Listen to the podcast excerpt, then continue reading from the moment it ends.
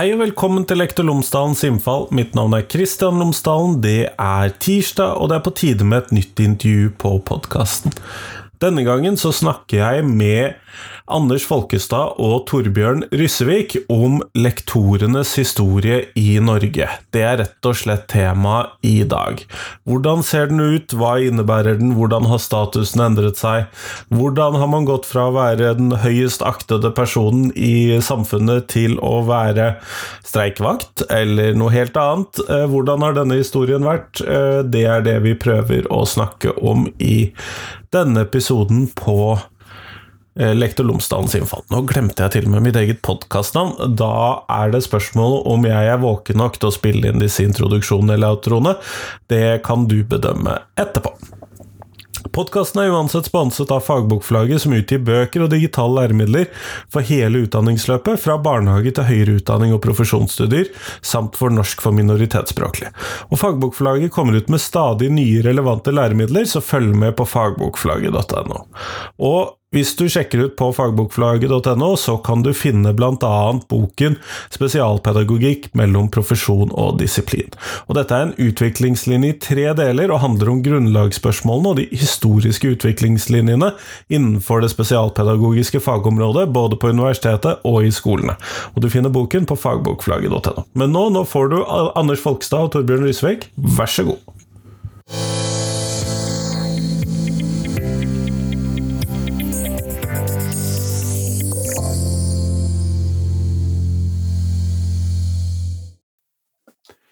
Torbjørn Ryssevik og Anders Folkestad, tusen takk for at dere har tatt dere tid til meg i dag. Før vi sånn kommer ordentlig i gang med denne episoden, så hadde jeg håpet at dere kunne fortelle lytterne mine tre ting om dere selv, sånn at de kan få bli litt bedre kjent med dere. Og da tenkte jeg at vi skulle starte med deg, Anders.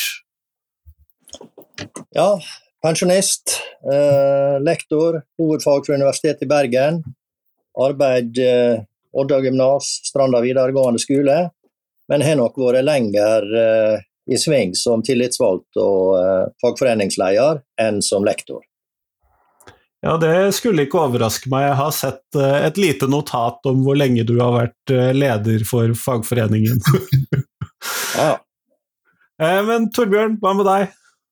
Ja, jeg er sunnmøring, bor i Oslo.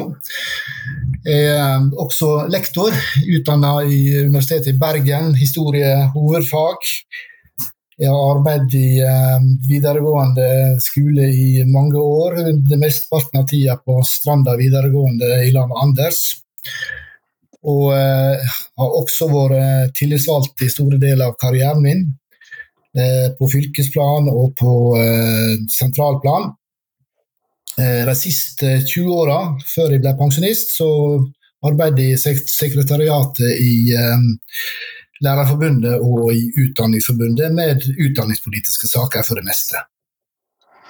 Kjempeflott. Tusen takk, begge to.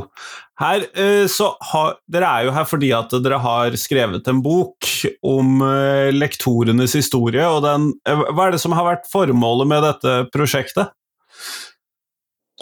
Ja, Det er jo flersidig, eh, men et hovedmotiv for oss var at eh, nettopp eh, historien om eh, gymnaset, videregående og dermed om lektoren, den har vært ganske forsømt i skolehistorien. Det har stort sett vært folkeskole, grunnskole som har dominert.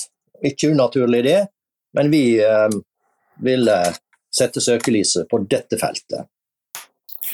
Jeg tror også at eh, ved å se det gjennom lektorøyne, altså se utviklinga gjennom lektorøyne, så får du fram noen andre og nye perspektiv på utviklinga, på reformer og på annet arbeid som ikke har vært så veldig mye omtalt uh, tidligere. og Det tror jeg vi faktisk har lykkes med.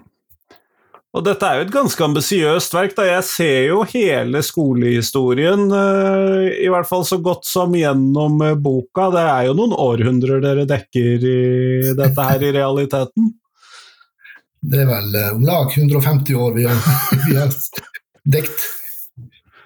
Sånn at det Men når dere da skulle ta for dere en sånn skolehistorie sånn som dette, og fra den vinkelen som dere har tatt dere for dere, er det noen sånn særskilte ting som har vært viktig for dere å få med, Anders?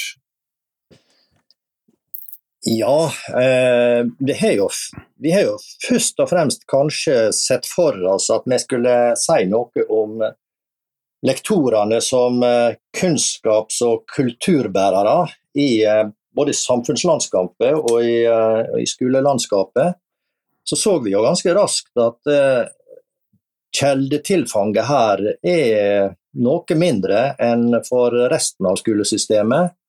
Derfor så ble jo mye annet Fagforeningsbladet en viktig kjelde.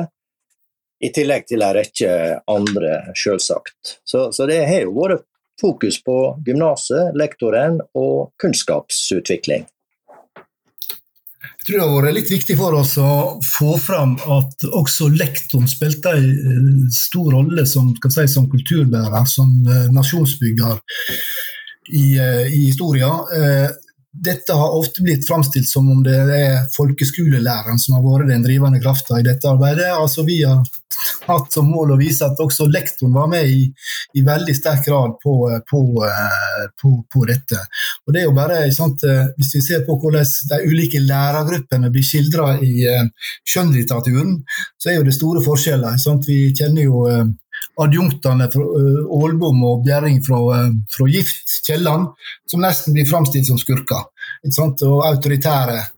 Mens da både skolemester, allmennlæreren eller folkeskolelæreren blir framstilt på en mye mer sympatisk måte. Og, og Drar vi det fram til nyere tid, så er jo det også hos, hos Rukla i Solstad sin, sine verk ikke et sympatisk, direkte sympatisk bilde, men et litt stakkarslig bilde det blir tegna av lektoren.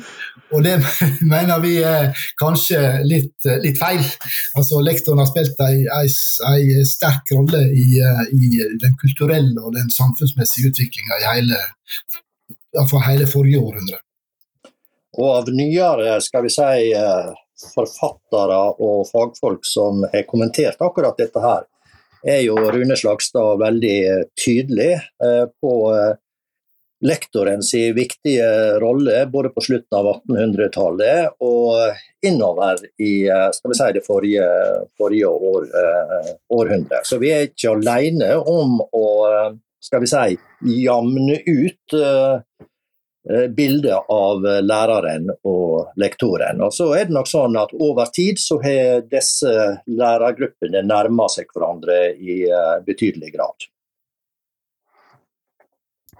En ting som eh, står veldig sånn tydelig for meg gjennom den boken deres, da, det er jo eh, både dette litt sånn, hva skal vi kalle det, forsvaret for eh, lektorprofesjonen som en sånn Det er jo det dere avslutter med her, eh, i stor grad. Men det er jo også de kampene som lektorene har stått i, som eh, liksom blir det som hva skal vi kalle det, fanger min oppmerksomhet. Og kunne dere gjøre en skissering over den historien som lektorene har stått i? Litt sånn enk... Eh, dere skal jo ikke gjøre at folk ikke trenger å lese boken, men eh, i litt sånn grove trekk. Hvordan har utviklingen vært for lektorene i skolen? Torbjørn, kanskje? Ja, altså eh, hvis vi, eh, hvis vi starter sånn ca. ved det forrige århundreskiftet, altså inngangen til 1900-tallet, da var jo det slik at lektoren hadde enerett til å undervise i den høyere skolen, som det heter. Han hadde en embetseksamen med seks-sju års universitetsutdanning. Hovedfaget kom i, 2000, i 1905. Og eh, si, Lektoren var en del av den akademiske eliten i landet, eh, med enerett til å undervise. Han var embetsmann. Eh, mens vi ser vi da, Sammenligner vi med, med folkeskolelæreren på samme tidspunkt, så hadde en vanlig folkeskolelærer rundt forrige århundreskifte ikke mer utdanning enn den skolen han faktisk underviste i. Og det var fem år folkeskole, eller allmugeskole, som det heter. Så det var en veldig stor forskjell på, eh, på disse to gruppene når, han, hvis han stoppa opp på det tids, tidspunktet. Eh, fra det tidspunktet så er jo egentlig lektorens eh, historie en evig kamp for å holde posisjoner. Altså første, første gangen de det spissa seg til, var jo si, rundt første verdenskrig, når det var lærermangel. Så elevkulla vokste, og det ble lærermangel. Da løste staten dette problemet ved å senke kravene til å være lærer i den høyere skolen. Det er et mønster vi ser igjen i hele historien framover. Hver gang det blir lærermangel, så løser staten regjeringa dette problemet med å senke kravene. Dette har vært en av de viktigste og si, vedvarende kampene som lektoren har stått i. Og Det topper jo seg særlig når eh, ungdomsskolen ble innført på, eh, fra 1950-tallet. og Det var en voldsom lærermangel. Det var den gangen skal vi si, at lektoren for alvor tapte posisjonen sin eh, i, i den, skal si, den høyere skolen. Da ble jo ungdomsskolen det som erstatta den gamle realskolen, der lektorene og adjunktene hadde hatt hegemoniet, til en ungdomsskole der først og fremst kan si, den allmennlæreren med rett til å undervise eller kompetanse til å undervise i alle fag, fra bånn til topp, eh, skal si, vant fram på bekostning av de universitetsutdanna lærerne. Og et, kanskje et paradoks, eller iallfall et parentes, eh, så var det jo nettopp da i rett etter første verdenskrigen at uh, i den prosessen som Torbjørn beskriver nå, at uh, adjunktgraden, eller cand.mag.-graden, ble uh, innført. sånn at den, den skal vi si, adjunktgruppa ble jo etter hvert den aller største i skoleverket gjennomgående. fordi det var en sånn mellomposisjon og som ble sterkt utvida da også andre utdanninger enn en universitetsgrad førte fram til det nivået eller den tittelen. Eh, eh, lektorlaget den gangen var jo egentlig imot eh, den nye graden, men innså likevel at den ble, kunne bli viktig, og den var fortsatt da bindeleddet mellom høyere skole, eh, realskole og gymnas, og universitetet. Noe som var svært viktig for eh, lektorgruppa. Og som de nok kjente seg litt svikta av universitetet da i etter, eh, etter krigstida, da liksom dette bindeleddet i stor grad uh, forsvant. Så i utdanningspolitikk kan en nok si at uh, lektorene har ført en defensiv uh, kamp, fordi det handler litt om masseutdanning, fra elite til, eh, til masse. Men de har likevel greid å holde en relativt trygg eh, posisjon. Og eh, nå blir jo etter hvert alle lektorer, så det kan jo tyde på en viss seier her. ja, I en del diskusjoner jeg står i, så handler det jo ofte om at noen er blitt offer for egen suksess, uh, på en måte. Eh, her så er det kanskje ikke da suksessen som har ført til at man har vunnet fram, men eh, ja. Nei, men du kan si at uh, lektorene, både som stilling og som, som profesjon, har jo alltid uh, stått seg. Uh, og det har jo aldri vært fare for at den skulle forsvinne, snarere tvert imot. Det har vært en evig kamp fra andre lærergrupper om å få tilgang til lektortittelen. Den har faktisk også gått i nesten 100 eh, år.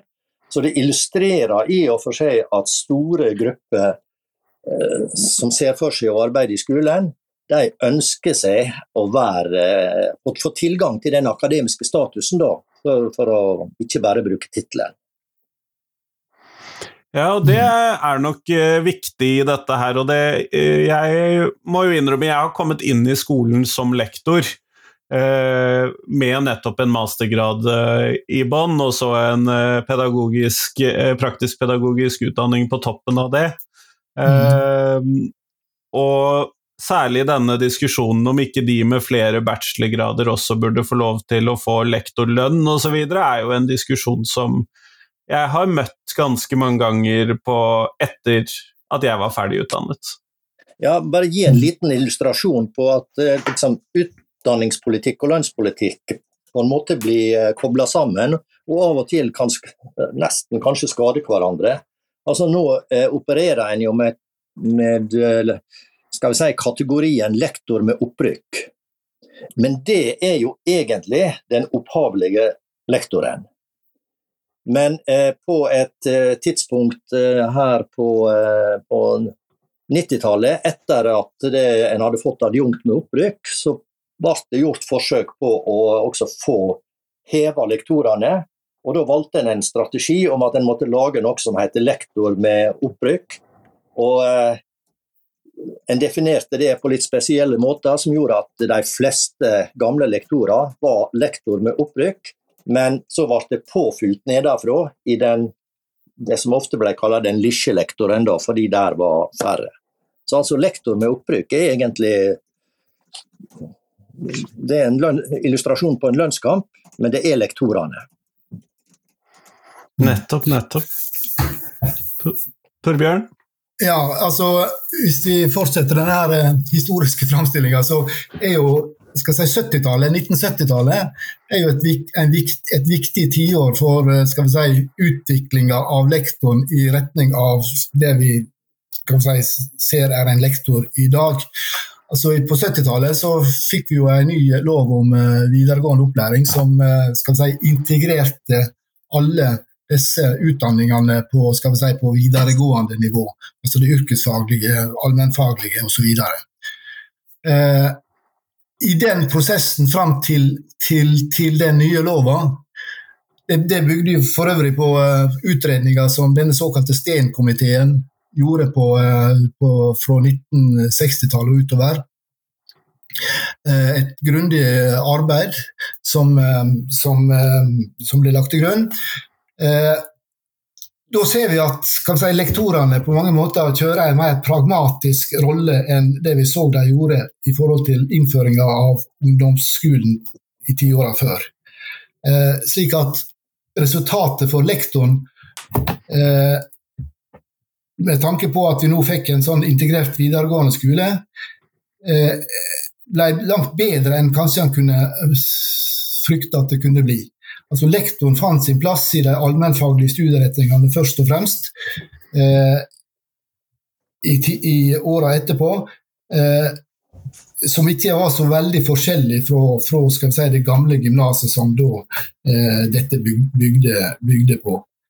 Eh, samtidig det var jo også da at, eh, at universitetene på en måte slepte taket på lektorutdanninga.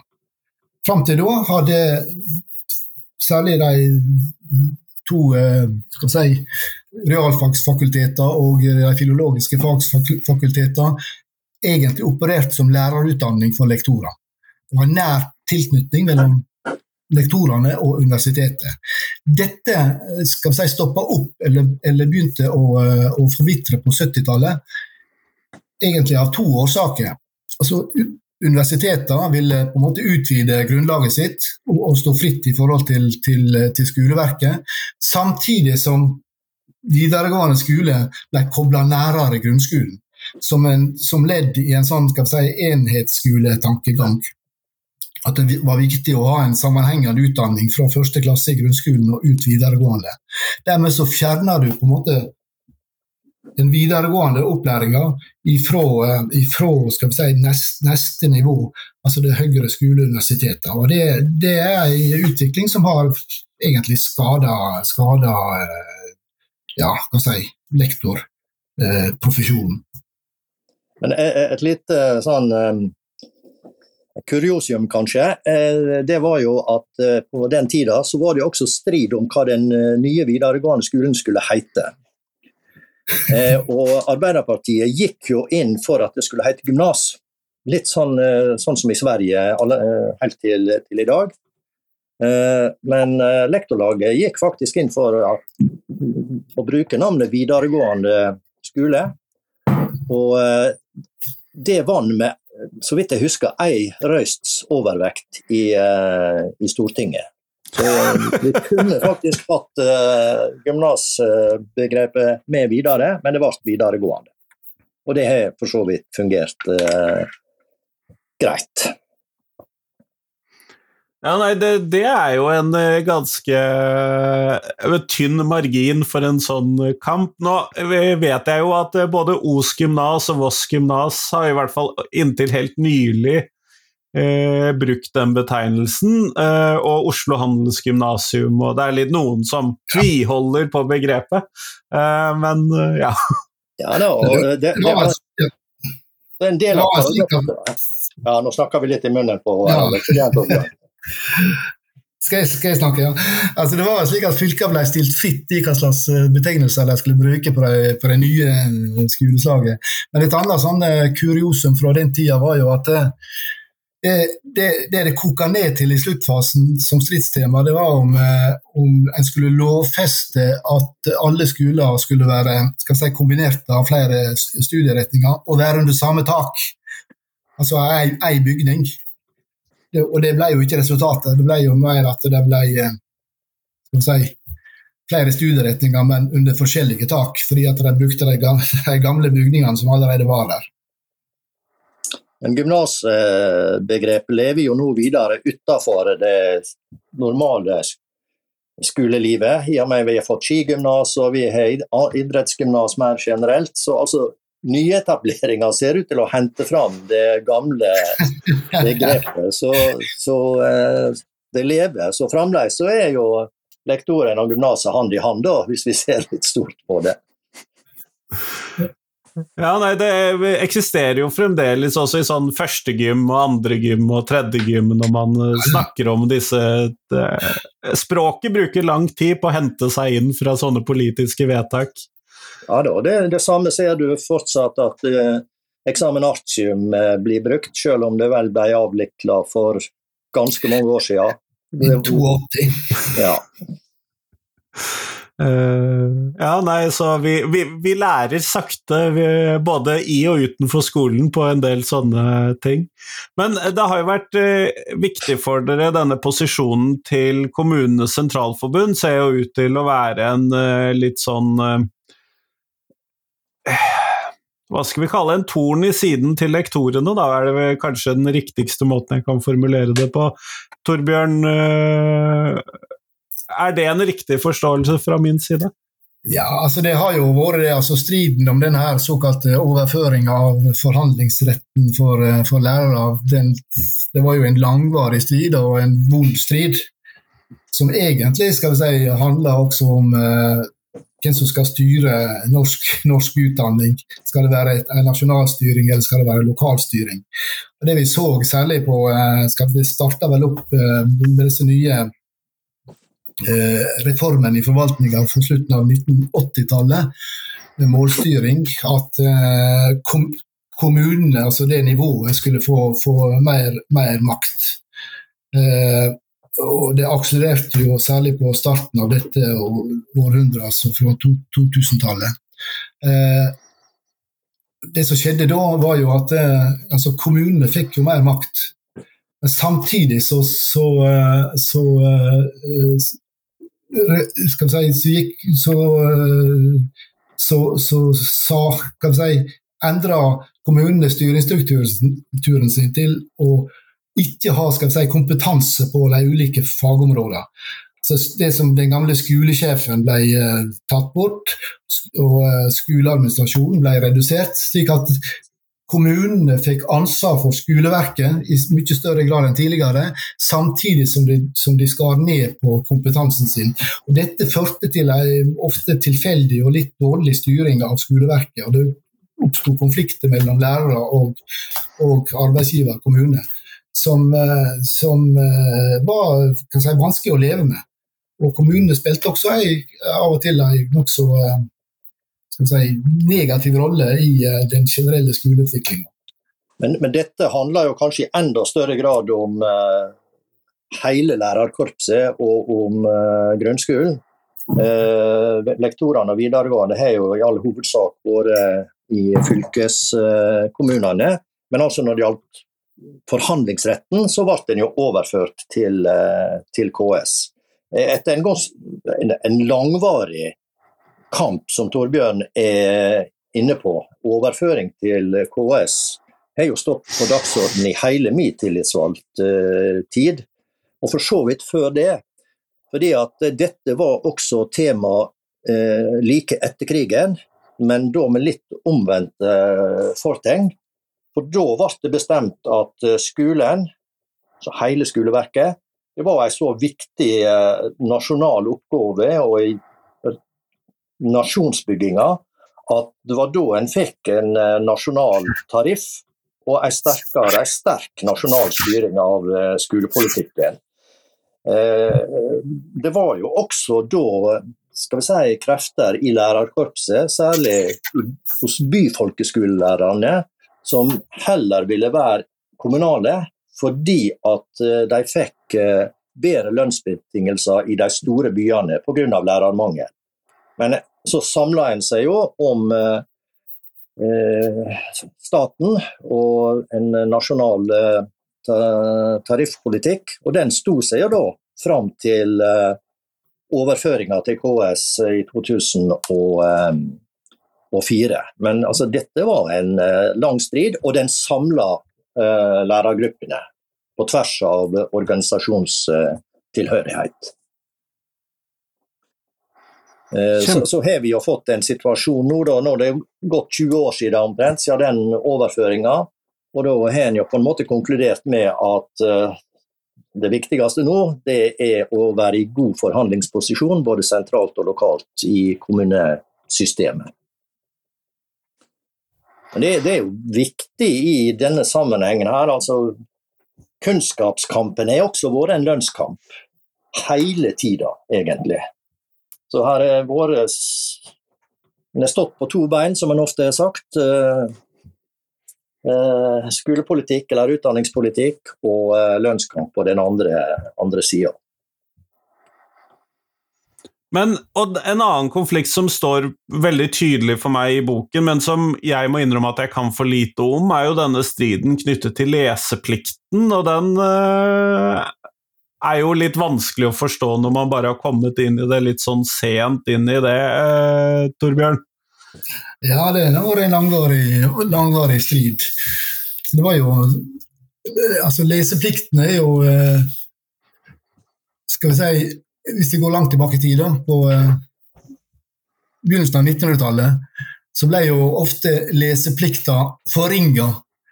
Lærerne måtte undervise mer fordi at det var dårlig økonomi, fordi at det var, det var uh, ja, uh, dårlige tider. Og Svaret var da at lærerne må, må, må, undervise mer. Etter hvert så kom jo dette inn i mer skal si, ordna forhandlingsformer, slik at det, det har jo vært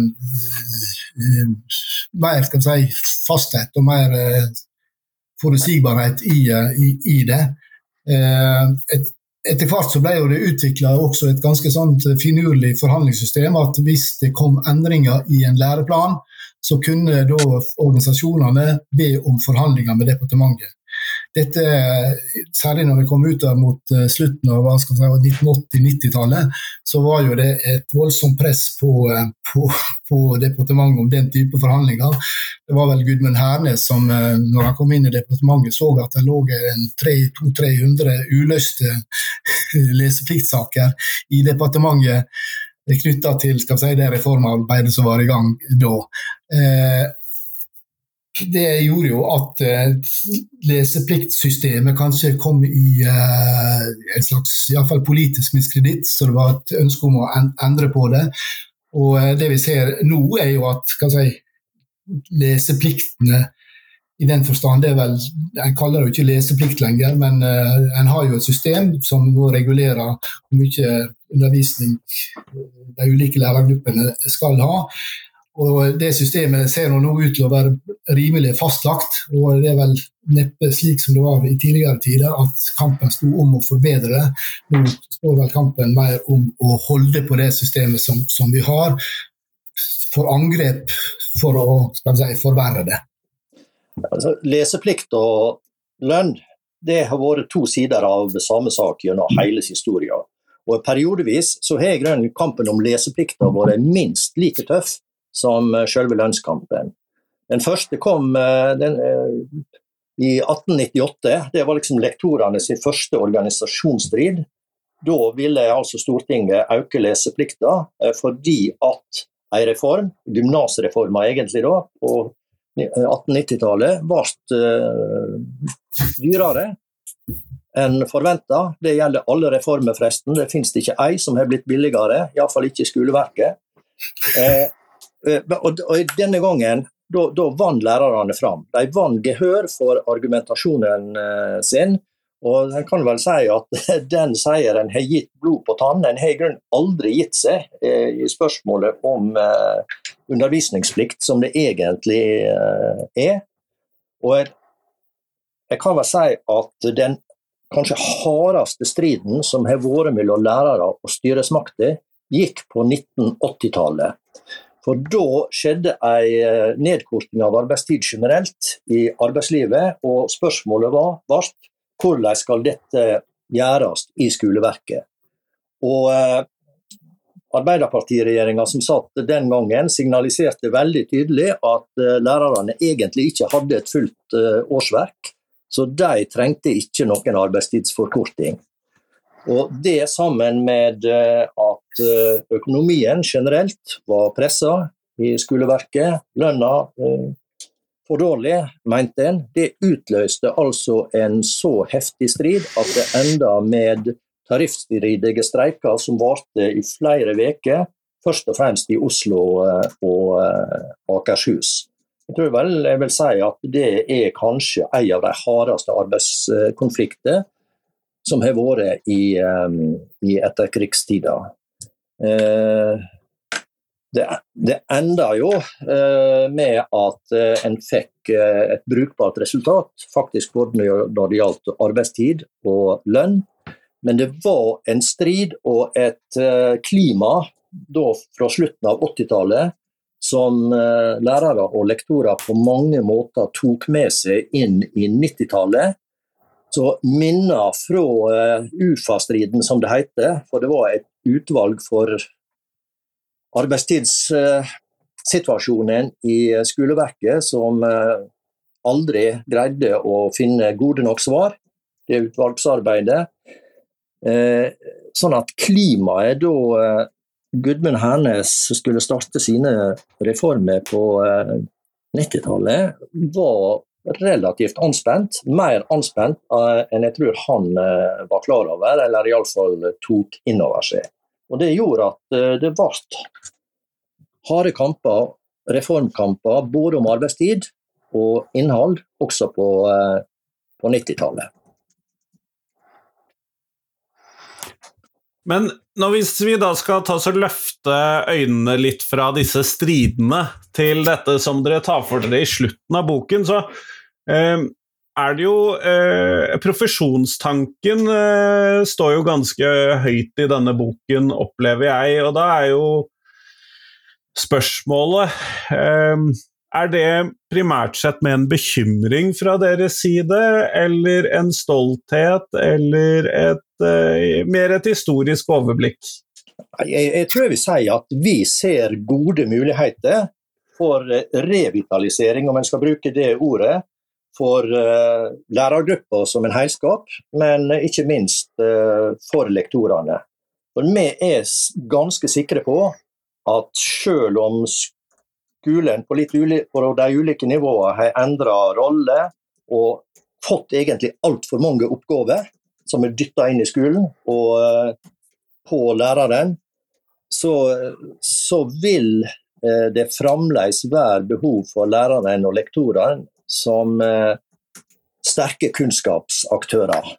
Eh, men med noen nye føresetnader. Eh, her er element som vil endre lærerrolla, men ikke gjør den mindre viktig. Det er vel en del av budskapen med seg, men at en her også må kombinere noe av den tradisjonelle faglige profilen men en må evne å møte nye eh, ungdomsgrupper og deres behov, deres forventninger. Eh, teknologien, sosiale medium.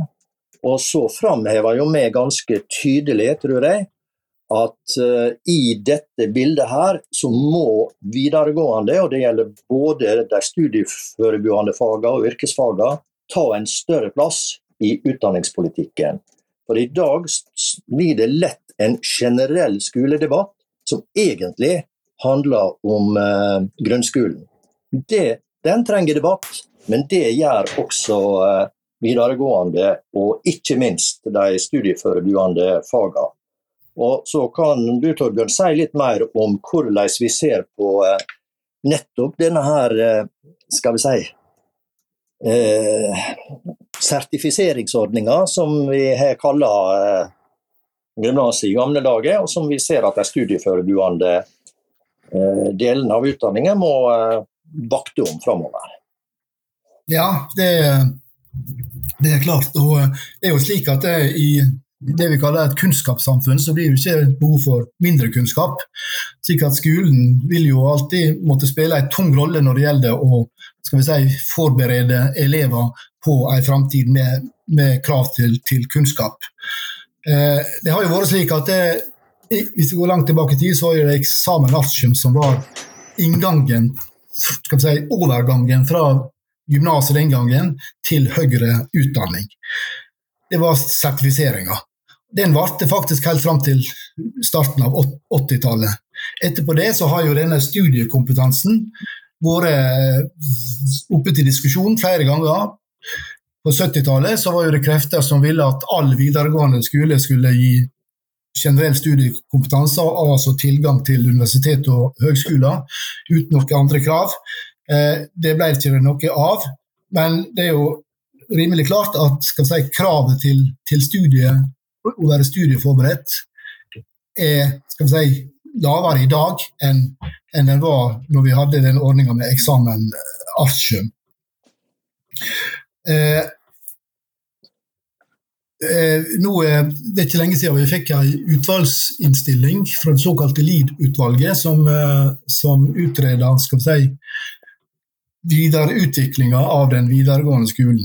Det eh, dette utvalget var, var, veldig tydelig på, var at eh, en måtte skal vi si, reindyrke både den allmennfaglige delen og den yrkesfaglige delen i sterkere grad, slik at de er innretta på det skal vi si, de er sett til å, å eh, ha ansvar for.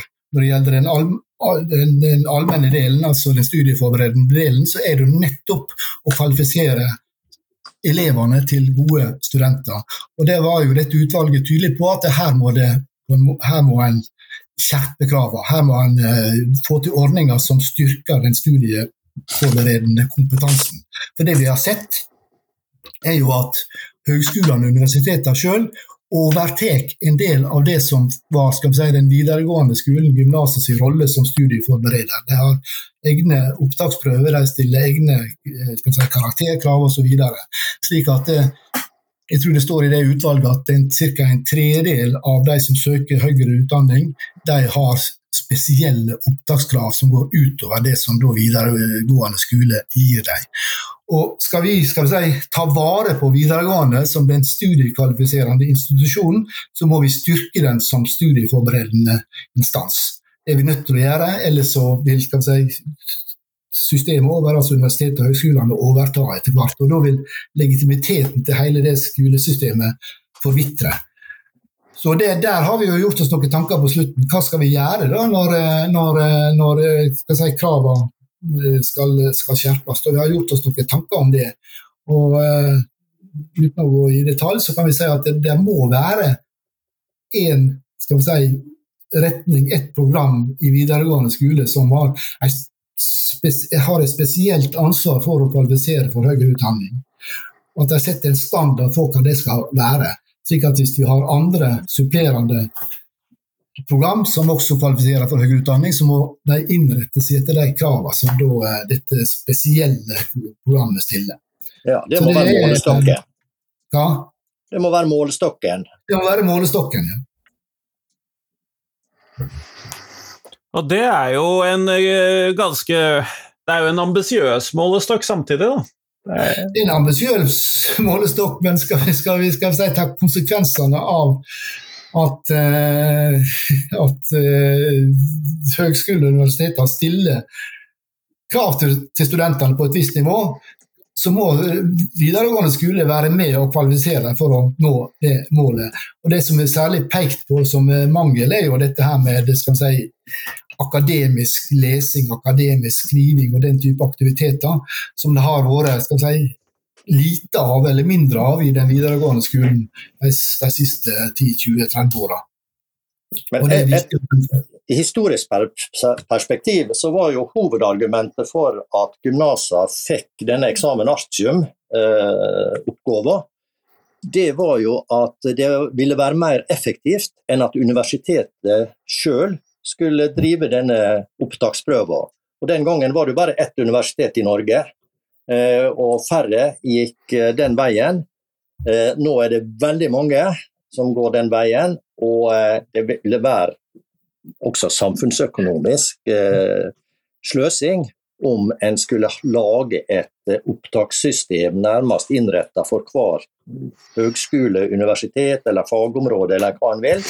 Så dette vil jeg jo tro eh, er såpass eh, politisk viktig at eh, vi tror, med det vi skisserer, at videregående vil holde posisjonen sin i all hovedsak.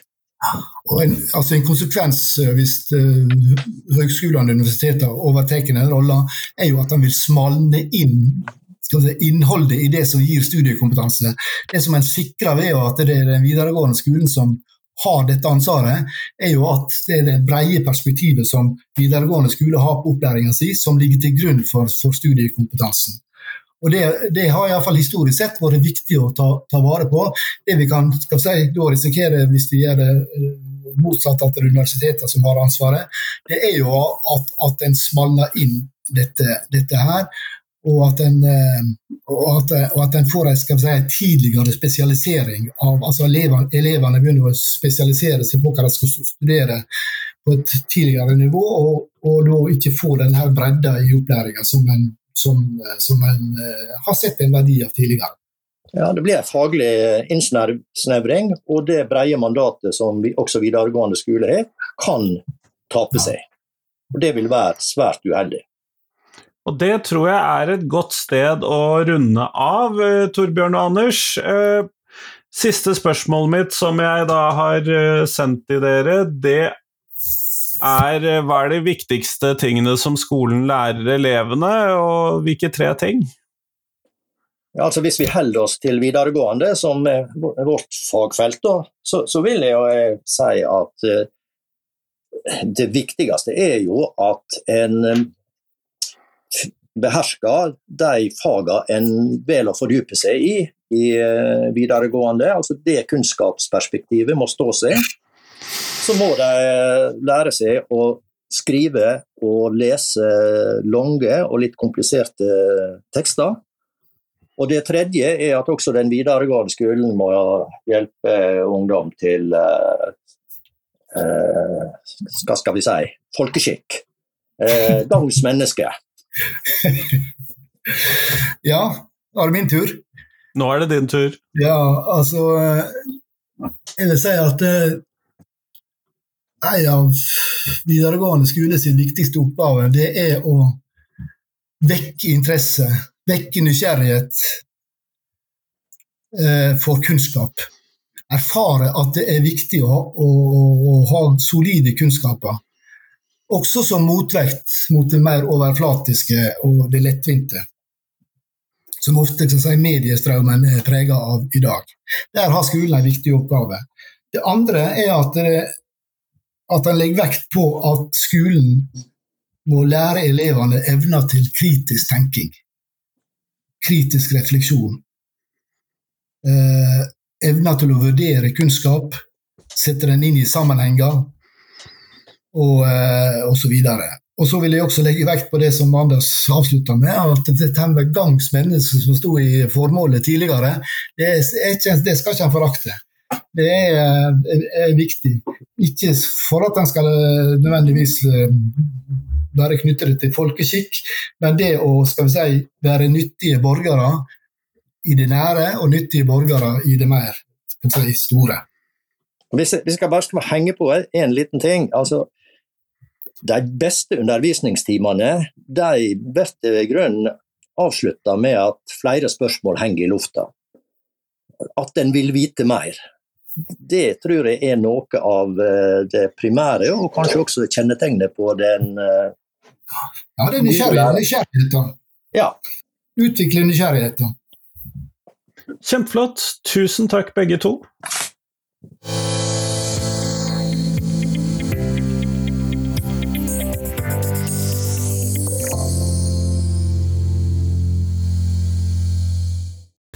Tusen takk til Anders, tusen takk til Torbjørn, og tusen takk til deg som hører på.